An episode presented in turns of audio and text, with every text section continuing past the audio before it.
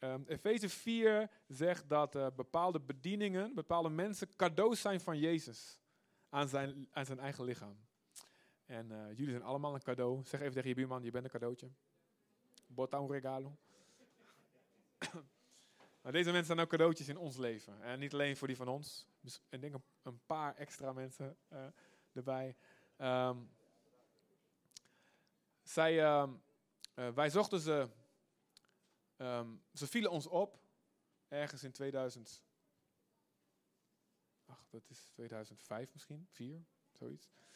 En toen zijn we een keertje bij ze op de koffie geweest, of de thee, bij hun thuis. En toen vroegen we, joh, mogen we van jullie leren? Ja, wij zoeken gewoon mensen wie we, we af en toe uh, terecht kunnen. En uh, eigenlijk zag ik, uh, zag ik ze al een beetje zo, zo kijken met wat van die, van die dingetjes in hun hoofd. Uh, van die plannetjes die ontstonden, van die wolkjes, weet je. en um, toen, uh, uiteindelijk uh, hebben ze ons gevraagd om de gemeente die zij pas begonnen waren in Zutphen, een van de drie gestarte gemeentes in één jaar, over te nemen. Um, en hebben ze ons ingezegend. Um, ze wisten misschien niet goed wat ze deden. Als nog met een klein jongetje van één, uh, die kon net staan aan de hand. En een ander meisje in, uh, in de buik. Werden we ingezegend.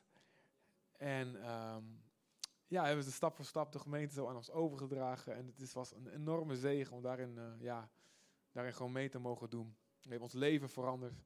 En ons ook gevormd tot wie we zijn. En um, ik kan verschillende, ja, we kunnen duizend dingen over ze zeggen. Ik kan zeggen over de 2.500 kinderen die, die uh, Panda Vida, de bediening die ze samen onder een droom van Aukje hebben opgezet in Peru. Um, hebben opgezet. Ik kan daarover spreken, 2.500 kinderen. En wat zijn de plannen voor richting 5.000, begreep ik nu. Um, ik kan het hebben over de tienduizenden, honderdduizenden conferentiebezoekers. Of dat er uh, op vakanties de helft, blijkt dat de helft van alle mensen een boek van Wilkin bij zich heeft, hoorde ik net weer. Maar goed, wat ik vooral wil vertellen, los van grote cijfers en beroemdheidsdingen, is dit zijn zulke trouwe, lieve mensen. En uh, we kunnen um, grote, indrukwekkende getallen hebben. En, um, maar als ons karakter niet indrukwekkend is, dan, ja, dan is het leuk even voor de show, maar is het hol. Maar dat is bij deze mensen absoluut niet het geval. En ze zijn hier uh, ja, twee dagen speciaal ook geslapen, bij ons twee nachten geslapen om ons te bemoedigen. Wie doet dat? Ja, terwijl je duizenden mensen in de rij staan voor een audiëntie, zeg maar. Hè. Um, dit zijn, dit, dus dat wil ik vooral zeggen. Dit zijn, uh, los van de boeken en de bedieningen, dit zijn mensen van liefde. En daar wil ik ze voor eren, willen wij ze voor eren. En vinden we het super stoer dat jullie hier zijn. Dus mogen we voor jullie danken. Dank u Heer. Zullen we staan met allen? Dank u Heer voor deze mensen. En we verklaren ze zijn welkom hier, ondanks de regenbui op een eerste dag. Ze zijn welkom hier. We hopen dat ze heel vaak terugkomen, maar snappen dat het ook altijd niet lukt. Maar we danken u, Vader, dat zij deel zijn van de geschiedenis, ook van deze gemeente. Dat ook, uh, ja, ze een soort opa zijn, opa en oma zijn. Zegen ze vandaag, hun laatste dag.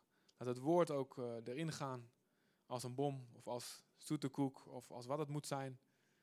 Laat er vrijheid zijn, laat uw zalving, uw kracht hier zijn.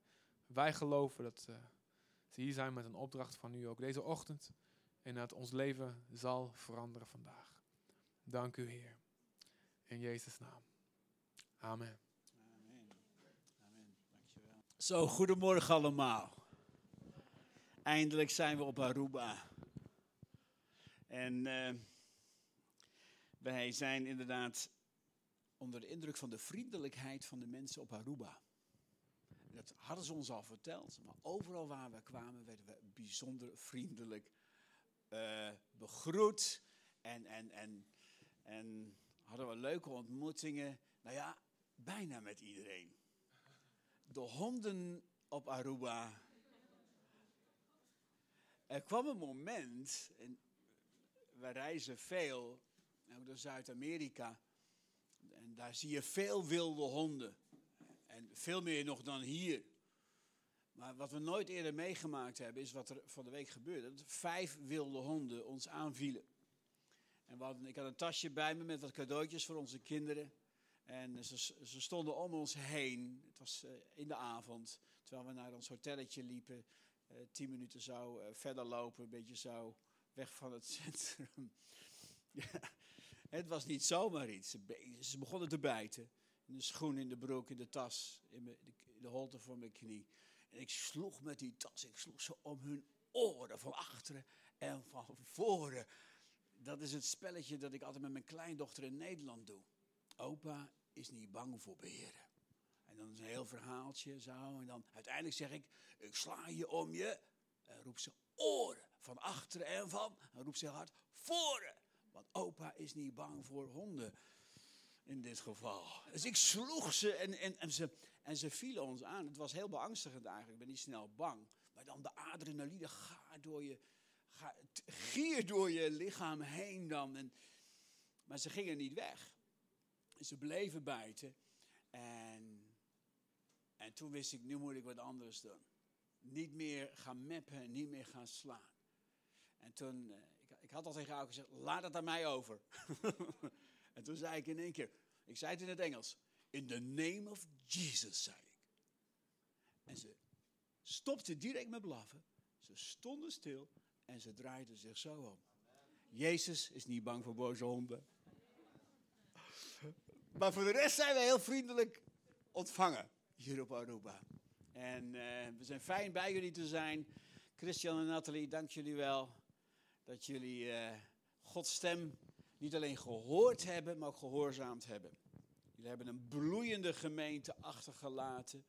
Uh, waar Gods geest op een machtige manier werkte. Veel mensen tot geloof zijn gekomen. 45% van de mensen die in die gemeente kwamen, hebben Jezus voor het eerst leren kennen. Dat is nergens, weet ik, in Nederland, zover ik weet in ieder geval, nergens zo gebeurd. Jullie zijn niet naar Aruba gevlucht. Jullie hebben Gods stem gehoord en jullie zijn hier begonnen. Je laat iets bloeiends achter, je laat heel veel achter. Maar dat weten sommigen van jullie ook. Dat als je, als je op reis gaat of in een ander land gaat wonen, dan laat je veel achter. En uh, het is bijzonder wat hier gebeurt. En dit is het begin van iets. Het is een klein begin van iets wat God groot gaat maken. Niet om ons groot te maken, maar zijn koninkrijk van, van, van, van grootheid, daarin neemt hij ons mee. En ik vind het mooi om jullie hier te zien. Want over een aantal jaren zullen jullie zeggen, ik was erbij aan het begin. Dat is echt waar. Ik was erbij aan het begin. in Zutphen zijn we ook heel klein begonnen. En het groeide door en het groeide door. En God deed wonderen. En, en God voegde mensen toe. Dat gaat hier ook gebeuren. Want dat is de zegen van God die op jullie rust. En jullie maken daar vanaf het begin deel van uit. Misschien ben je hier een jaar, twee jaar, misschien ben je tien, nog veertig jaar hier. Maar je maakt er wel deel van uit, wist je dat? Je kunt niet een gemeente bezoeken zonder echt deel uit te maken van die gemeente. Dus uh, we zijn heel blij dat we hier zijn. Maar ik ben gekomen om natuurlijk het woord van God met jullie te delen. Ben je er klaar voor? Gaan we lezen Psalm 17. Psalm 17. En boven die psalm, ik lees de herziende statenvertaling, gebed om redding. Nou, dat hadden wij met de wilde honden. En David kende dat ook. En ik ga niet de hele psalm lezen. We beginnen vers 6. Daar zegt hij, God, ik roep u aan. Vers 6. Oh, dat is de NBV. Nou, die kunnen we ook lezen. Ik roep tot u om hulp, want u geeft mij antwoord. Wil mij horen, God, luister naar mijn spreken. Vers 7. Toon mij de wonderen van uw trouw. Wie bij u schuilen, red u van hun tegenstanders met uw machtige hand. En dan vers 8 en 9 nog. Behoed mij als de appel van uw oog. Of van uw oogappel, zeggen we ook wel. Verberg mij in de schaduw van uw vleugels. En om dit vers gaat het. En dan vers 9 nog. Voor de goddelozen die mij geweld aan doen en voor de vijanden die mij naar het leven staan. En dat stukje, vers 8, daar wil ik even bij stilstaan. Dat David zegt, herziende statenvertaling, bewaar mij als uw oogappel. David begint te bidden tot God. We weten niet precies wat ze, wie zijn vijanden waren of wat zijn moeilijkheden waren. Maar dan roept hij tot God, bewaar mij als uw oogappel. Daar zal ik straks iets over vertellen. We zijn vaker in het Caribisch gebied geweest. Eh, Curaçao hebben we, ik weet niet hoeveel conferenties gedaan de afgelopen jaren. En het viel mij op als we op Curaçao waren en daar een conferentie hielden, maar ook in andere landen, uh, Indonesië, Afrika, uh, uh, Suriname in het bijzonder ook. Landen, volkeren, stammen die een slavernijverleden hebben, die kijken je niet aan als je tot ze spreekt. De mensen, de inwoners van het land, kijken je niet aan. Als je tot ze spreekt, slaan ze hun ogen neer. Nou, Aruba kent bijna geen slavernijverleden. Nauwelijks. Curaçao wel. En Curaçao heeft ook een heel ander klimaat dan Aruba. Laat ik eerlijk zijn en duidelijk zijn. Op Curaçao word je als Nederlander niet altijd vriendelijk ontvangen. Word je niet altijd vriendelijk bejegend. En dat heeft te maken met het verleden. En ik begrijp dat verleden. En dan probeer je juist mensen te ontmoeten, maar als blanke man is dat lastig, als witte. Als witte man. En God is niet wit. God is niet wit. God is een veelkleurig God. En dan probeer je mensen te ontmoeten. Zelfs christenen in de kerk ontmoet je dan. Leiders. En dan praat je met ze van oog tot oog. Maar daar gaat het vanmorgen over. En dan slaan ze hun ogen neer. En waarom? Omdat ik een witte man ben. En ik vind het verschrikkelijk. Ik vind het eigenlijk, niet eigenlijk, ik vind het verschrikkelijk dat dat gebeurt. Want hoe kan ik contact met je hebben als ik niet oog, van oog tot oog met je kan spreken? En de premier van het land, inmiddels voormalig premier van, van Curaçao, zei, ik las dat in de krant, wat ze zei. Ze zei, dat is het, het, het niet in de ogen kijken van, van, uh, van die ander is het gevolg van, een van de gevolgen van de slavernij. In de koloniale tijd was het verboden om de John, dat is de meester van de plantage of wat dan ook, de eigenaar van de slaven, je mocht de John niet in de ogen kijken. Je moest je ogen neerslaan. En ze vertelde dat toen ze een zelf een, een jong meisje was en op school zat, dat ze de onderwijzer als kinderen niet in de ogen mochten kijken. Op Curaçao. Maar dat is niet alleen op Curaçao gebeurd. Ze mochten de onderwijzer niet in de ogen kijken. Als de meester iets tegen je zei, moest je ogen neerslaan. Maar haar ouders vonden dat verschrikkelijk. En haar ouders hadden haar en haar zusje geleerd: als jij iemand ontmoet, dan kijk je hem met respect recht in de ogen aan. Maar je slaat je ogen niet neer. Dus die kleine kinderen die zo opgevoed waren in de klas, deden wat vader en moeder hen geleerd hadden. Maar de onderwijzer, die reageerde furieus. Hij vond dat zusje, die haar ogen niet neersloeg, brutaal. En hij wilde haar zelfs uh, schorsen. Hij wilde haar van school sturen. En toen zijn de ouders naar de school gegaan en die hebben gezegd: Wij hebben geleerd dat onze kinderen niet langer slaven zijn. Wij hebben onze kinderen geleerd dat ze de ander recht in de ogen mogen kijken, maar ook moeten kijken, maar met respect. Niet vanuit rebellie, maar met respect. Van oog tot oog. Met opgeheven hoofd. En het raakte me toen ik dat las. In, in hoe heet die krant op Curaçao ook alweer? Ja, amigo. Het raakte me dat, toen ik dat las. Met opgeheven hoofd de ander in de ogen kijken. En dan vind ik het mooi als ik Psalm 17 lees. Misschien kunnen we vers 8 gewoon even laten staan. Bewaar mij als uw oogappel. De appel van uw oog, uw oogappel. En als David dat tot God roept, dan zit daar een heel verhaal achter. Want het Hebreeuwse woord voor oogappel wordt letterlijk zo vertaald. Bewaar mij als de dochter in uw oog. Dat is de letterlijke Hebreeuwse vertaling. Bewaar mij als de dochter in uw oog. In het Spaans is oogappel exact de Hebreeuwse vertaling. Bewaar mij als la niña tus ojos. Als de dochter van of in uw oog. Wat betekent dat? Wat betekent dat? In het Latijn, de Bijbel is ook in het Latijn vertaald, wordt gesproken over pupilla, je pupil. En daar is het Nederlandse woord poppetje van afgeleid. Poppetje komt van pupilla. En het komt oorspronkelijk dus van oogappel.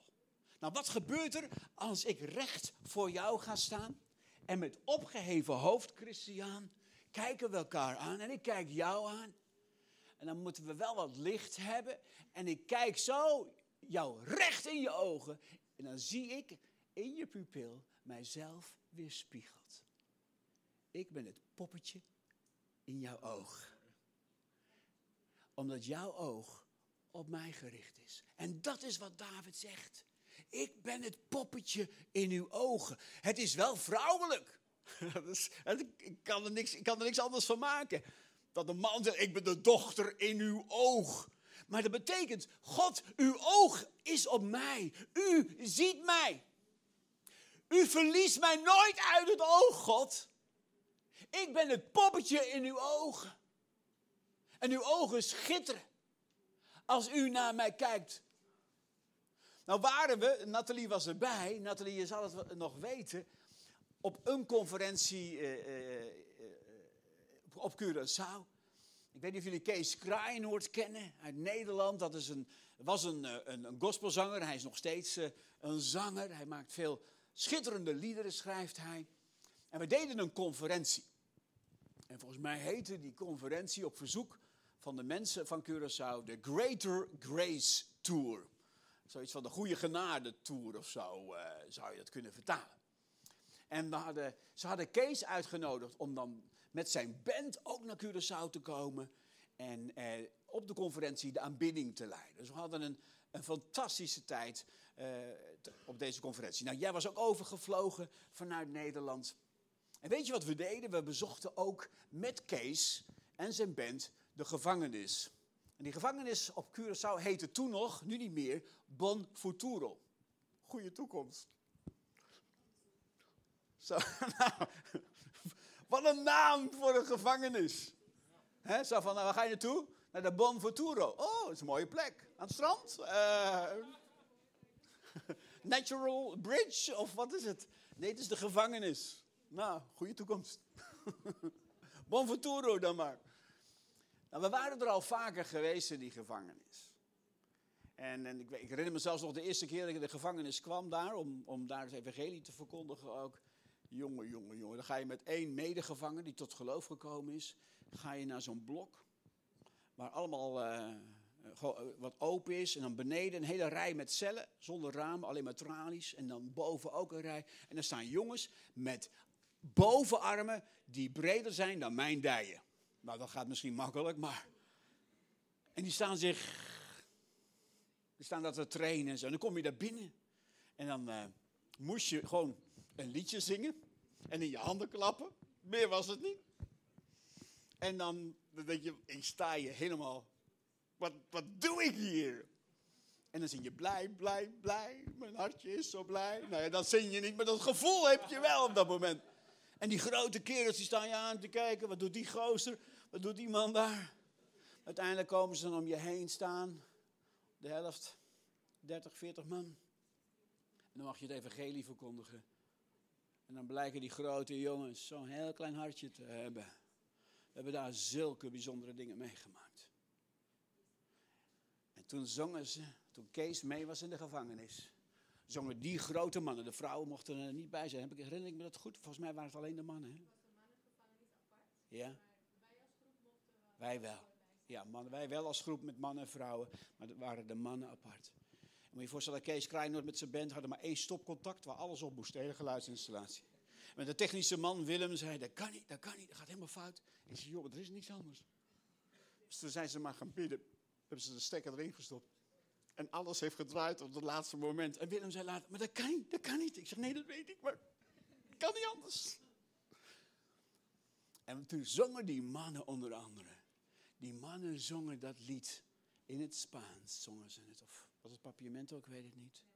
Was het Spaans? Ja, jij kan dat natuurlijk. Beter dan ik in ieder geval. En toen zongen die grote die kerels wiens bovenarmen breder zijn dan mijn dijen. Ik ben toen, tu hija, la niña, oh en tus ojos. Ik ben een dochter in uw oog. Die grote kerels. Ik ben uw oogappel.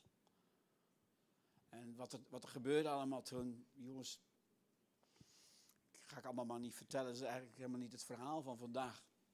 Maar ik wel weet dat een van zijn medewerkers, die er ook bij was, die daar, eh, een vrouw, uh, die daar gesproken heeft. Ze, ze, heeft tien minuten gesproken. De drie directeuren zaten vooraan van de gevangenis. En de mannen hebben haar drie keer onderbroken met applaus in de tien minuten dat ze sprak. Gods geest was zo krachtig daar. Toen deden we een uitnodiging. Mensen gaven hun leven aan Jezus. Een gevangenisbewaarder kwam naar voren. En die kwam uit eigen beweging. Ik wil ook Jezus leren kennen. En we gingen bidden voor de mensen. En misschien heb je dat nog nooit meegemaakt. Maar de kracht van God was in die gevangenis zo sterk. Gevangenen vielen gewoon op de grond door de kracht van God. Toen dacht ik nog, oh oh, krijgen we nu een probleem. en een paar weken later is een van zijn medewerkers, deze vrouw die daar gesproken heeft, Erika, terug geweest. Toen zijn er honderd gevangenen van de 600 gedoopt op één dag in die gevangenis. Mannen die zingen. Ik ben La Niña en tus ojos. Ik ben uw oogappel. Dat zijn dingen die je natuurlijk ook nooit meer vergeet.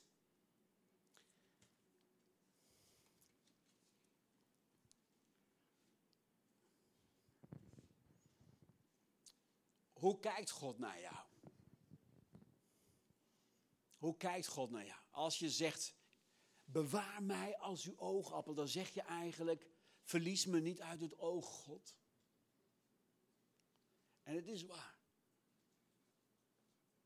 Jezus wordt de goede herder genoemd.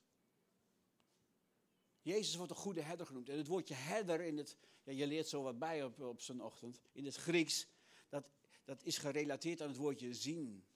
De herder kent alle schapen bij naam. En hij telt ze als ze s'avonds weer binnen in de schaapskooi komen. Hij ziet ze. Zijn oog is op jou. Als jij zegt, ik ben uw oogappel, dan betekent dat, ik geloof dat uw oog op mij is. Dat u mij niet uit het oog verliest. En het is zo belangrijk. Ja, dat is een beetje gevaarlijk als je zo'n wandelende prediker bent. Het is zo gevaarlijk uh, nee. Het is zo belangrijk om te weten hoe God naar je kijkt. De Bijbel zegt dat Gods ogen over de hele aarde gaan. En hij zoekt naar mensen die hem aanroepen zoals David.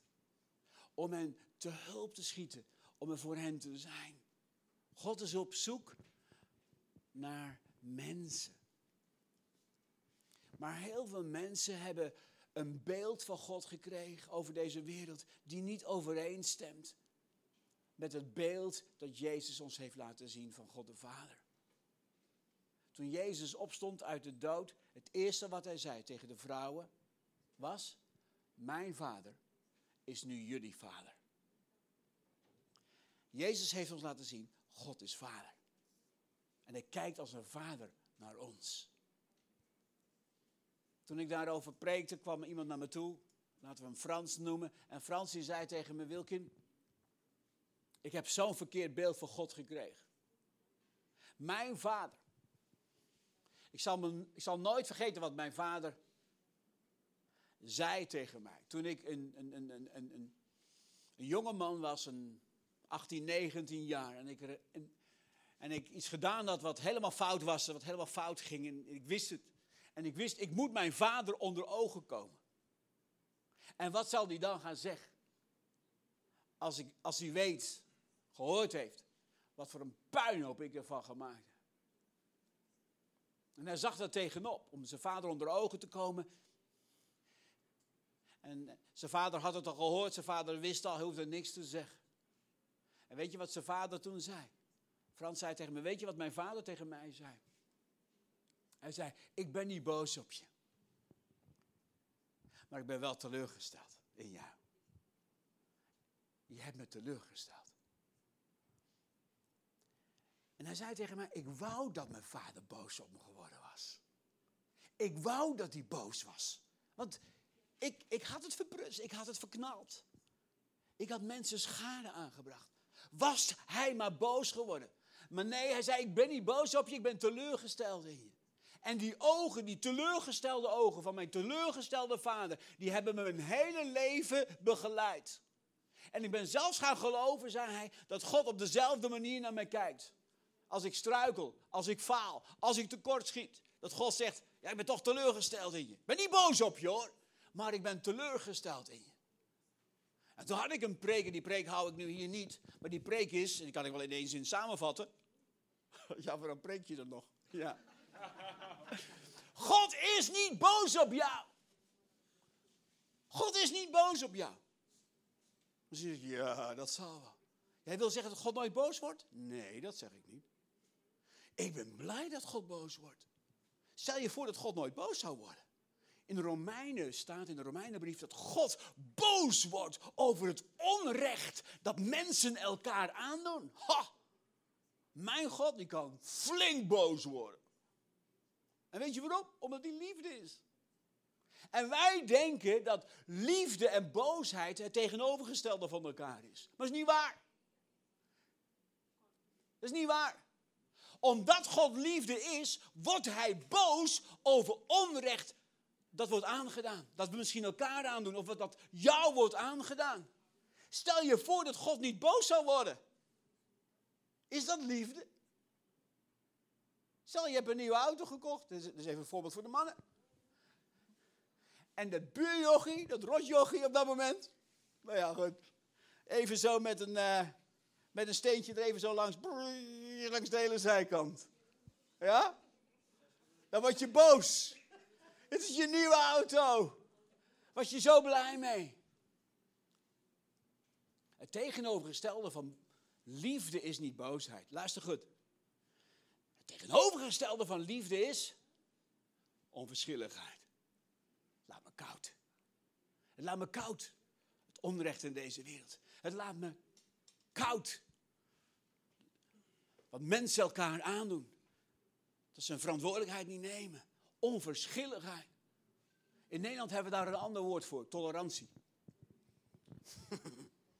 we zijn, Nederlanders zijn een heel tolerant volk. Maar dat geldt niet alleen voor de Nederlanders. is jouw zaak, jouw probleem, jouw waarheid. Ook al ga je ermee naar de knoppen, als jij gelooft, als jij denkt, joh, zal mijn zorg wezen. In plaats dat we boos worden. Liefde en boosheid horen bij elkaar. En als God boos wordt over onrecht, zegt dat niks over zijn karakter. Want zijn karakter is liefde. God is liefde. Punt. Hij heeft lief omdat hij lief heeft. Punt. God is altijd liefde. Hoe kijkt God naar jou? Hoe kijkt God als ik het fout doe? Als ik, als ik niet, als ik, als ik misschien zelf de lat voor mezelf zo hoog leg en ik, en ik haal het niet. Of ik zondig opnieuw. Hoe kijkt God als ik zondig? Dat is ook een preek apart. Het is ongelooflijk belangrijk dat je weet hoe God naar jou kijkt. En Frans zei, was mijn vader maar boos geworden. Maar in de plaats daarvan zei hij, ik ben teleurgesteld. En ik zeg je vanmorgen één ding heel duidelijk. God is nooit teleurgesteld in jou. En ik kan het je bewijzen. Vanuit de Bijbel. En dit is waar wij allemaal mee hebben geworsteld of nog mee worstelen. Ja, ik heb het toch niet goed gedaan. Zoals die andere vader. Een vriend van mij, en met wie ik ook wel af en toe samenwerk. Hij, hij doet, wij nodigen hem uit om onze conferenties, om daar ook een keer mee te dienen. Jan Pol heet hij. En hij, als hij als kind bij zijn vader kwam met het rapport, dan ging, kwam zijn vriendje ook altijd mee. En zijn vriendje had altijd een beter rapport. En wat zei zijn vader dan? Dan bekeek hij eerst het rapport van het vriendje. En hij prees hem de hemel in. Maar dan bekeek hij het uh, rapport van mijn vriend Jan. En hij is inmiddels al 60 een grote vent. Maar ik zie als hij erover praat, dan raakt het hem nog steeds. Want zijn vader zei van ja, je hebt niet zo goed een rapport als je vriendje. Het kan altijd beter. En dan zag hij ook die teleurgestelde ogen van zijn vader. het kan zo'n impact op je hebben dat je denkt, ik moet dingen doen, dingen doen voor God, zodat ik werkelijk zijn oog op appel ben. Dat ik werkelijk zijn geliefde poppetje in zijn ogen ben. En, en, en, en, als, en als, ik het, als het me niet lukt, ook mijn goede voornemens, oh God, nu zal ik echt, God, nu zal ik echt. En dan lukt het weer niet. En dan denk je, ja. Of je hebt gezondigd. En je hebt gezegd, God, ik zal dit nooit weer doen, hè. Ik zal het nooit weer doen. We maken, we geven veel conferenties. Ik spreek eigenlijk, ga eigenlijk van conferentie naar conferentie. Sommigen gaan van heerlijkheid naar heerlijkheid en ik van conferentie naar conferentie. Ah, het is bijna hetzelfde, dat is waar. Mijn vrouw heeft een hekel aan conferenties. Ik doe niet anders. Zo zijn we een goed team samen. En, uh,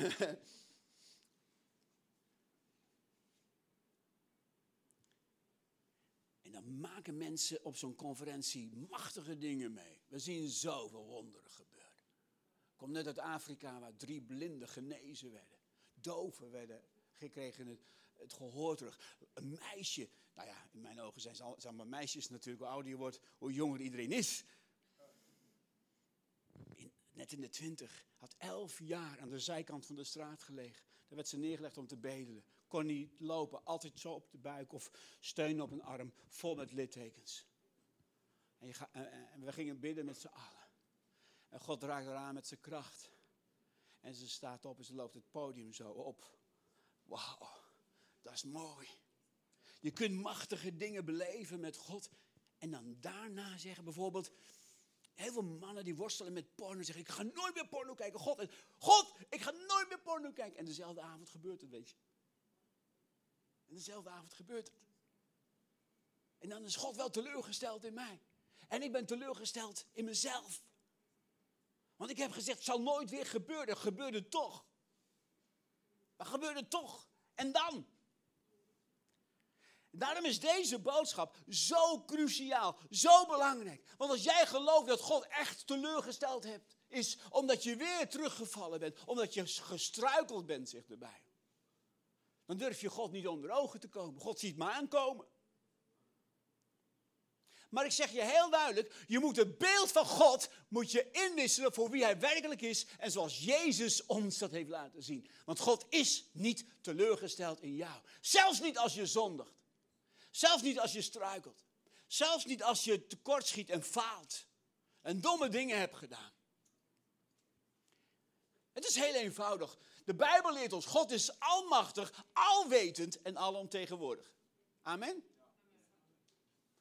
Als God alwetend is, wist hij al lang dat je zou zondigen. Wanneer ben je teleurgesteld? Als je verwachting van iemand hebt en die verwachting wordt niet vervuld, dan ben je teleurgesteld. Als je van je partner, van je vrienden, verwachting hebt. En die verwachting wordt niet vervuld, je wordt niet tegemoet gekomen.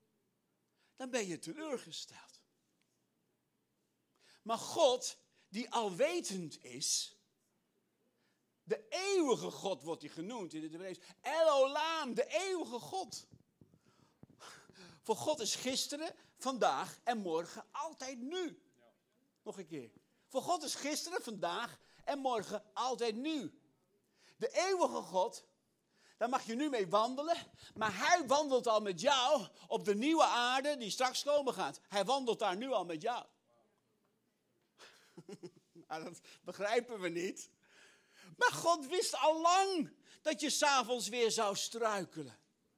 God wist het al lang. En ik zal het je bewijzen aan de hand van het prachtige verhaal met Petrus. En dat wil ik tot slot ook gewoon met jullie lezen. En dat kan je lezen, waar staat het, in Lucas 22, vers 32. we kunnen denk ik meekijken, hè? Ja. En ik hou van Petrus. Weet je, Petrus is, de, is, is die discipel van Jezus, een van die twaalf leerlingen. Die er helemaal voor gaat. Hij is de enige die over water wandelt. En net vlak voor het sterven van de Heer Jezus kun je lezen. ehm, vers eh, inderdaad 32. Kun je lezen dat de Heer Jezus tegen zijn leerlingen zegt, vlak voor hij zal sterven, wat er zou gebeuren, maar dat hij na drie dagen zou opstaan uit de dood. En hoe reageert Petrus? Petrus reageert meteen, ah, ah, gaat niet gebeuren, gaat niet gebeuren. Eh, en, en, maar, maar, weet u wat? Eh, die andere jongens niet, hè? maar ik wel. Ik ga met u mee in de gevangenis. Ik ga zelfs met u mee om te sterven. Die anderen niet, maar ik wel. Geweldig, hè? Dat is Petrus. En weet je wat dan de Heer Jezus antwoordt? Vers 22, vers, eh, vers 32. Dan zegt eerst Jezus dit. Petrus, hij zegt eigenlijk Simon. Dat was zijn eigen echte naam. Als Jezus altijd Simon zei, dan wist je, oh, dat gaat, is niet goed met Petrus. hij zegt, Simon, voordat de haan kraait, zul je mij drie keer verloochend hebben en zeggen dat je me niet kent. Jezus wist wat er gebeuren zou. Jezus wist wat er gebeuren zou. Jezus wist dat Petrus hem drie keer zou verloochenen. En uiteindelijk zou, Jezus, zou Petrus zeggen, staat er, en hij vervloekte zichzelf. Hij zei GVD in het Nederlands, ik ken hem niet. Maar wat zegt Jezus in vers 32? Maar ik, Petrus, ik heb voor je gebeden, opdat je geloof niet zou bezwijken. Dat moment gaat komen dat je struikelt. Dat je faalt. Dat je tekortschiet. Maar ik heb voor je gebeden, Daniel. Dat je geloof niet zou bezwijken. Dat je geloof geen schipbreuk zou leiden. Dat je je geloof niet zult verliezen. Op dat moment, Petrus, als het gebeurt dat je faalt, moet je onthouden en vasthouden dat ik voor je gebeden heb. In hoofdstuk 15 zegt hij, blijf in mijn liefde. Blijf in mijn liefde door mijn woord vast te houden. Wat is dat woord? Onder andere dit. Ik heb voor je gebeden. Dat je geloof niet zou bezwijken. Blijf in mijn liefde. En dan zegt hij, door mijn woord vast te houden. En je hebt, ik heb het heel vaak gehoord, luister goed wat ik zeg. Dan zeg je, ja, je moet de Bijbel kennen, dat is waar. En, en, en, en je moet het woord van God uit je hoofd kennen, dat is waar. Dat is goed. In zijn liefde, je blijft alleen maar in zijn liefde als je zijn woord vasthoudt. Maar dat is niet wat Jezus bedoelde. Wat Jezus bedoelde, als je struikelt, blijf in mijn liefde. Hou vast dat ik alleen maar van je hou. En altijd van je hou. En wat er ook gebeurt. Onvoorwaardelijk. Want als jij gelooft dat ik teleurgesteld in, ben, in je ben, dan is de kans groot dat je gaat afhaken. En dan ga je maar niet met je zonde komen of met je tekortkoming. Ja, hij ziet me aankomen, die God. En ik heb er toch voor gekozen. Ik ben toch zelf schuldig. Ik moet nu boete doen. Je wil niet weten hoeveel mensen ik ontmoet heb, christenen die boete moeten doen. Ik heb er toch zelf een potje van gemaakt. Dus ik moet er ook maar eens boete doen. En ze durven God niet onder ogen te komen. Waarom? Je hebt een verkeerd beeld van God. Ze zeggen niet, oh God, bewaar me als uw oogappel. Blijf in mijn liefde. Dat ik met liefdevolle ogen op je neerzie. Ik ben er om jou te helpen. Je bent er niet om mij te helpen. Een bekende voorganger in Nederland zei tegen mij. Hij zei dit, Wilkin. Was een moment dat zei ik tegen God. God, ik ga, Jezus zei, zei ik ga helemaal voor u. Ik ga, ik ga helemaal voor u leven. En eh, Jezus, ik zal dit en ik zal dat. En toen hoorde hij die zachte stem van God die zei, stop. Jij gaat voor mij leven. Het is andersom. Ik leef voor jou. Ik leef voor jou. Want jij gaat struikelen, gegarandeerd. Jacobus 3 vers 2 zegt, wij allen struikelen, gaan struikelend achter de Heer Jezus aan. Ja, gebeurde bijna echt. We gaan allemaal struikelend achter de Heer Jezus aan. Hij zegt het zo, was een halfbroer van Jezus. Wij allen struikelen in vele opzichten. Zelfs zondigen is nog niet terugvallen, maar struikelen. Je valt terug als je je zonde niet beleidt. dan val je terug. En dan blijf je in dat zondepatroon leven. Hoor je wat ik zeg? Maar struikelen niet. Prachtige tekst van koning Salomo. Spreuken 28 vers 13. Kleine bonus. Daar staat. Wie zijn zonde bedekt.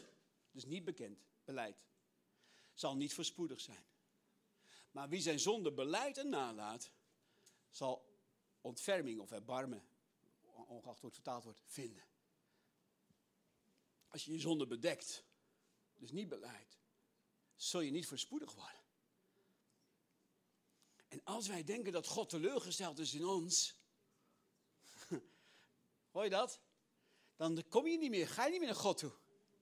Je gaat je zonde niet beleiden, je gaat hem bedekken. En je zult niet voorspoedig zijn. Maar als je weet dat God liefde is, hij al lang wist dat je struikelen zou. Let op. En dan zeggen we, ik ben er juist om jou te helpen om je zonde te vergeven. Dan kom je naar hem toe om je zonde te beleiden. Zeg, Heer, help mij. Durf jij te zeggen, God is niet teleurgesteld in mij? Durf je dat te zeggen? Ik geloof dat God nooit teleurgesteld is in mij.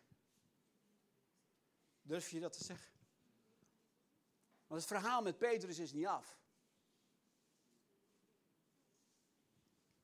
In vers 61 staat, zoek het maar op, want we kunnen het zien op de beamer. Als Petrus Jezus drie keer verloochent, vers 61 drie keer verlogen heeft. En de laatste keer zegt, hij vervloekte zichzelf. Dat is een GVD. God verdoeme mij of zoiets. Ik ken hem niet. Op dat moment lezen we. En de Heer Jezus draaide zich om. En hij keek Petrus aan. En toen herinnerde Petrus zich de woorden van de Heer. Nog voor er vannacht een haan heeft gekraaid, zul je mij driemaal verloochenen. Maar is er meer? De vraag is, op het moment dat Petrus dus voor de derde keer Jezus verlogent, Jezus draait zich om. En Jezus kijkt Petrus recht in de oog. Van oog tot oog. En de hoofdvraag van deze morgen is: wat zag Petrus in de ogen van Jezus toen hij gestruikeld was? Toen hij gezondigd had? Zag hij verwijt? Zag hij teleurstelling? Ach, Petrus. Petrus, ik ben nou zo teleurgesteld in jou. Dat je doet wat ik van tevoren gezegd heb. Dat je zou doen. Ik ben zo teleurgesteld. Petrus, ik verwijt je. Vond hij afwijzing in de ogen van Jezus? Er is maar één mogelijkheid, jongens. Luister wat ik zeg. Toen Petrus, nee, het is andersom. Toen Jezus op dat moment Petrus in de ogen keek. En ze stonden zo, recht tegenover elkaar. En Petrus zag zichzelf in de ogen van de Heer Jezus. Hij zag zichzelf gespiegeld en hij faalde. Hij zag zichzelf gefaald hebben. De ogen van Jezus waren een spiegel voor zijn ziel. Maar hij keek verder dan dat. En toen zag hij in de ogen van Jezus dit, kon niet anders. Petrus, ik heb het je gezegd. Ik heb voor je gebeden. Dit is het moment dat je je geloof niet zult verliezen. Ik hou van je. Blijf in mijn liefde. Of je het goed doet, ik hou van je. Of je het slecht doet, ik hou van je. Of je succes hebt, ik hou van je. Of je, of je faalt, ik hou van je. Zondig je opnieuw, ik hou van je. Je liefde wordt niet meer als je goed je best doet. Je liefde wordt niet minder als je er rotzooi van maakt. Want ik ben volmaakte liefde. En als je dat vasthoudt, de volmaakte, onvoorwaardelijke liefde van God. Het gaat misschien veel te diep wat, ik nu zeg, maar die houdt me bij God. Niet een boze God. Niet een teleurgestelde God. Die durf ik niet meer onder ogen te komen. Maar juist omdat God liefde is en altijd van me houdt, dat houdt me bij God de Vader. Zijn liefde houdt me bij de Vader. Nog een bonus. Romeinen 2, vers 4. Ik kan het niet laten. Ik ben nu pak ik even vijf minuten uit. Paulus zegt, weten jullie niet, Romeinen 2, vers 4, dat de goedheid van God jullie tot inkeer brengt. Hoor je dat? Dat we de mensen vertellen, God houdt van je. Hij weet dat je struikelend achter de Heer Jezus aangaat. Maar Judas vers 24, mijn kort bijbelboekje, zegt... Hij wil je behoeden om te struikelen. En daar zou nog meer over te vertellen zijn. Het is niet de bedoeling dat je maar voortdurend, continu, altijd toch maar weer struikelend achter de Heer Jezus aangaat. Hij wil je helpen dat je niet meer zult struikelen. Maar dan moet je wel weten, ik ben de ninja en tuogos. Ik ben de dochter in uw oog. Wat ongemakkelijk voor ons meer of minder stoere mannen. Dan zeggen, heer, ik ben de dochter van uw ogen. Dan zegt hij, maar ik ben gewoon uw oogappel. Maar wat vind je in de ogen van God? Wat zie je in de ogen van Jezus? Wat vind je in zijn ogen? Genade. Alleen maar genade. En alleen maar liefde. En als jij denkt dat God teleurgesteld is in jou, omdat wat jij doet. Luister, ik zeg nog een keer. Als jij denkt dat God teleurgesteld is in jou, omdat je gefaald bent. Nou, geloof jij dat jouw relatie gebaseerd is op wat jij doet? Wat een nonsens. De relatie met God is nooit, bedoel, is nooit gebaseerd op wat jij doet, goed of niet goed. Jouw relatie met God is gebaseerd op wat Jezus voor jou heeft gedaan. En God is nooit teleurgesteld in je. Nooit. Hij zal ons altijd aanvuren, aanmoedigen. Ik heb ook een hekel aan gekregen. Sorry, ik kan het hier zeggen, Paruba. Dat wij in Nederland altijd zeggen: de Heilige Geest is de trooster. De parakletos, die je erbij roept, betekent het letterlijk. De helper, de bemoediger, degene die je aanspoort, die zegt doorgaan. En wij zeggen altijd in Nederland, dat heeft te maken met ons, onze volksaard en onze, onze, sorry, onze nationale identiteit en noem maar op. Dat wij zeggen, wij zijn zo. En dan zeggen we, ach, arme Christian, hij heeft de marathon geoefend, getraind, 42 en nog wat kilometer was het toch? Wie, wie van jullie heeft het gedaan? Wie heeft er wel eens over gedroomd? Ik zelfs ook niet. 42 kilometer. En dan net, weet je wel, 100 meter voor de finish struikelt Christian. Na, na een jaar trainen struikelt hij, mag wel blijven staan, struikelt hij. En dan komt daar zo iemand naar hem toe, dat moet een Nederlander zijn geweest. En hij zegt, ach jongen toch, 100 meter de finish verder.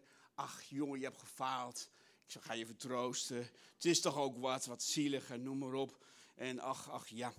Nou goed, we gaan het volgende keertje nog een keer proberen. Een, een pleistertje op je knie en een kusje van de juf. Dat is de Heilige Geest. Echt niet. Echt niet.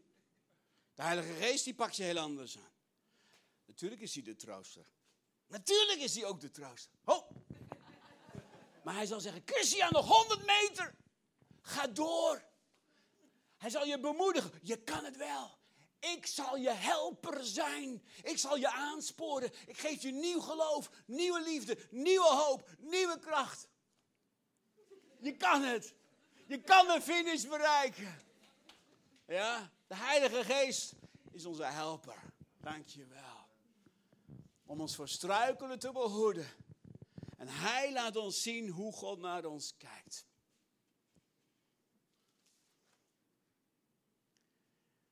een boekje gelezen van, een, van Lynn Hybels. Getrouwd met Bill Hybels uit Amerika. Een Willow Creek Church, een bekende wereldwijde kerk. Op dit moment hebben ze 20.000 leden, maar de, de, de, de invloed gaat veel verder over de hele wereld. Vele kerken zijn gezegend door die Willow Creek gemeente. En Bill reisde de hele wereld over, maar Lynn zat depressief achter de geraniums, letterlijk. Ze heeft er een boekje over geschreven, een klein boekje. Terwijl hij over de wereld reisde. Gevierd werd als die prediker uit Amerika. Zat zij depressief achter de geraniums. Jaren en jaren. En uiteindelijk ontdekt ze dat ze een totaal verkeerd beeld heeft van wie God is en hoe God naar haar kijkt. Weet jij het boekje, het titel van het boekje nog? Ga je nog even over nadenken. En dan beschrijft ze uiteindelijk, ik moest afstand nemen van deze God die niet mijn God is. Zoals Jezus ons dat heeft laten zien. En toen zei ze, ik heb deze God begraven. Want ik heb van God een afgod gemaakt. En dat geldt denk ik voor ons allemaal. Dat kan door je opvoeding zijn. Het kan zelfs in je kerk zijn. Of wat je ouders je misschien voorgeleefd hebben. Je opleiding. Dat je een beeld van God hebt gekregen. Of je zegt, ja maar zo is God niet. Hij is liefde. En in zijn liefde wordt hij boos over het onrecht. En wie wordt er nog hier boos op het, over het onrecht dat je onder je ogen ziet gebeuren? Durf je een romantische strijder te zijn, die het opneemt voor de armen, voor de weduwe, voor de wezen, voor degene die misbruikt, mishandeld worden, uitgekotst worden. Wie doet iets zoals Jezus dat deed? Maar dan moet je wel weten hoe God naar je kijkt. Zullen we gaan staan?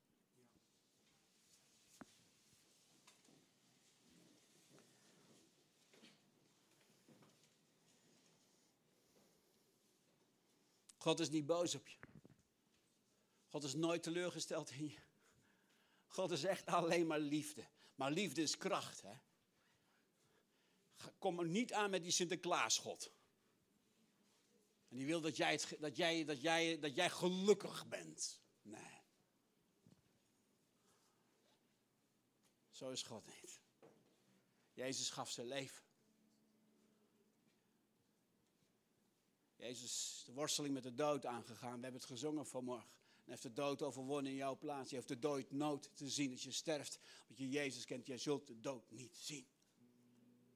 En als de wilde honden op je, op je afkomen, we hebben het gezongen, er is kracht in de naam van Jezus. Dan zeg je in the name of Jesus. En alle honden moeten zwijgen. Ik ben zijn oogappel. Zijn oog is op mij. Misschien moet je vanmorgen zelfs afstand nemen van de onbetrouwbare God. De teleurgestelde God. De het is nooit genoeg voor mij, God. Je doet het nooit goed genoeg. Zo is hij niet. Jezus zei, nu is mijn vader jullie vader. Hij is je vader. En elke keer als jij zegt, u bent mijn vader, bevestig jij, ik ben zijn kind. Elke keer als je zegt, u bent mijn vader, vader in de hemel, zeg je, ik ben zijn kind. Zijn geliefde kind. Ik ga voor jullie bidden. Daarna zullen we een halve minuut stil zijn. Om alles wat er al in je naar boven kwam, dat je misschien hoorde of niet naar boven kwam. Maar alles wat je, terwijl je luistert, je, oh ja, ja, ja. En dan denk ik dat het de Heilige Geest is die tot je spreekt. En dat die zegt, niemand heeft ooit de Vader gezien dan Jezus. En hij, zegt Jezus zelf, ik wil je openbaren wie mijn Vader is. En denk dan aan het verhaal met Petrus. Dan, dan nemen we 30 seconden de tijd voor. Waar moet ik misschien afstand van nemen? Een begin van een nieuw begin. een begin van een nieuw begin. En dat ik die liefhebbende vader als zijn liefhebbende kind ga leren kennen. En dan kan mijn leven voorspoedig worden. Ik heb het niet over materiaal. Ik heb het over vruchtbaar leven. En wat is een vruchtbaar leven? Dat Gods liefde door jou heen stroomt naar de ander. Dat is vruchtbaar leven. Wat die ander ermee doet, is zijn ding. Daar ben ik niet voor verantwoordelijk. Gods liefde kan ik niet verspillen. Maar die kan dan stromen en dan ben ik vruchtbaar. Ik ga voor jullie bidden. 30 seconden stilte. En dan ga ik jullie ook helpen. Dat kan gewoon in stilte. Ook afstand te nemen van God, help. Ik wil me bekeren.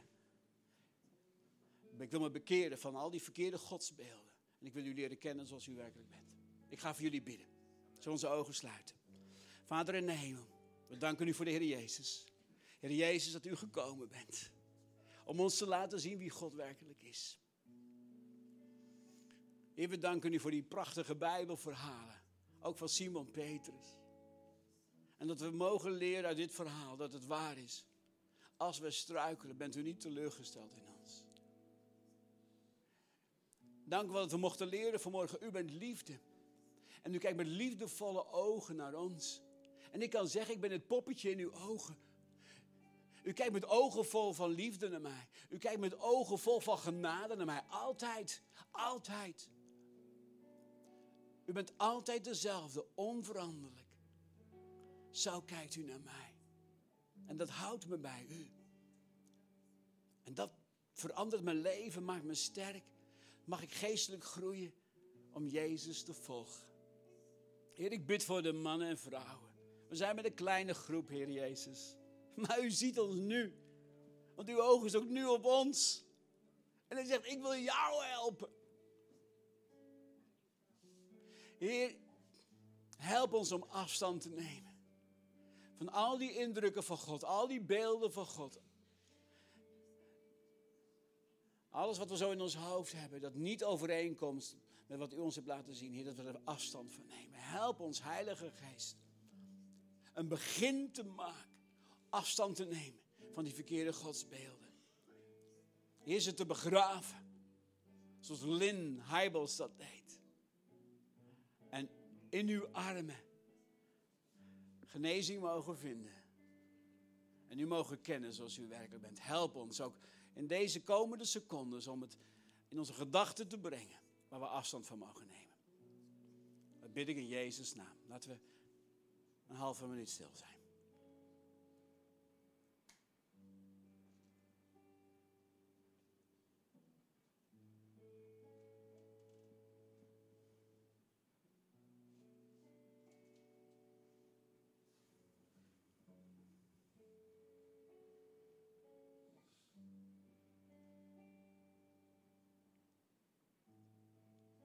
Dank u wel, Heilige Geest, dat u ons helpt. En dat u ons ook helpt, Heer, om dit ook nu uit te spreken, om afstand te nemen. al die afgodsbeelden die gemaakt zijn, die gegrift zijn op ons, gebrand zijn op ons netvlies, geestelijke, in onze geestelijke ogen gebrandmerkt zijn. Heer, help ons daarbij, Heilige Geest. In Jezus' naam. Amen. Hou je ogen even dicht nog. Wil je dat doen? Want ik ga je een vraag stellen. Dan mag je antwoorden door je hand op te steken. Verder hoef je niks te doen. Ik wil je deze vraag stellen. Je hoeft nog, steek nog geen hand omhoog. Maar terwijl je zo luistert naar dit verhaal. Laat de Heilige Geest je misschien wel zien van, joh, maar zo is God de Vader niet. En daar moet je afstand van nemen. Misschien kleine dingen, misschien grote dingen. En heb je het verlangen om dat te doen? Dan zeg je, ja God, ik wil zo leren kennen zoals u werkelijk bent. Dan wil ik je vragen, als ik het zo meteen vraag, om straks je hand gewoon heel kort omhoog te steken. Dan ga ik ook voor je bidden. Ja? Maar dat, ik, dat, dat, dat is iets tussen God en jou. Niemand hoeft dat te zien. Ik zie, iedereen heeft ook zijn ogen dicht. Iedereen heeft werkelijk zijn ogen dicht. Dit is tussen God en jou. Ik zie het wel. Maar ik ben hier om je te helpen. Als je zegt van, joh, ik, ik, ik wil dat zacht, een zacht gebed bidden op mijn plaats zometeen. Steek dan ook je hand omhoog.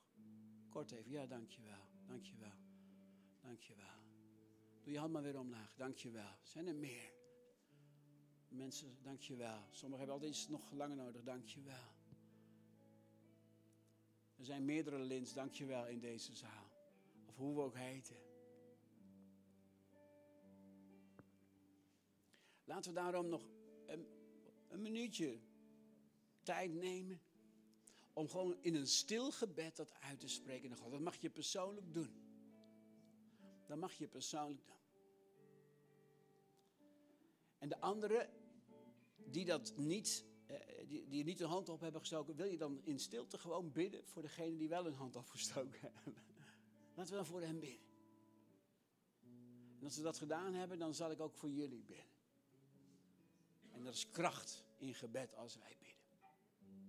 Dus als je je hand opgestoken hebt, ga zometeen gewoon zeggen: God, ik neem afstand van de leugen dat u teleurgesteld in mij bent. Of dat u boos bent op mij. Of dat, u, dat ik denk: ja, God is liefde, ja, ja, maar. Ik neem van al deze beelden die me achtervolgen, neem ik afstand. En het is het begin hoor, van een begin. Ook een begin van een vernieuwd denken. En een vernieuwd leven. Het is het begin, maar een heel belangrijk. En de anderen gaan ook in stilte voor je bidden. Ja, doe het maar. Bid het maar in stilte. Zeg het maar, Vader, ik kom tot u. Ik geloof dat alleen Jezus heeft laten zien wie u werkelijk bent. Wie mij heeft gezien, heeft de Vader gezien. En ik neem afstand van de God die teleurgesteld in mij zou zijn. Omdat ik faal, omdat ik zondig, omdat ik struikel. Ik neem afstand van de God die boos is op mij. U bent liefde. U bent liefde. U bent een liefhebbende vader. En ik mag uw geliefde kind zijn. Die mag leren wandelen met Jezus. Heilige Geest, help mij. Help mij om al die afgodsbeelden, om los te komen. Wil ze begraven, ik wil ze afleggen. Help mij de Vader te leren kennen zoals Hij werkelijk is. Vul mij, Heilige Geest, met de liefde van de Vader. Vul mij met de liefde van de Vader.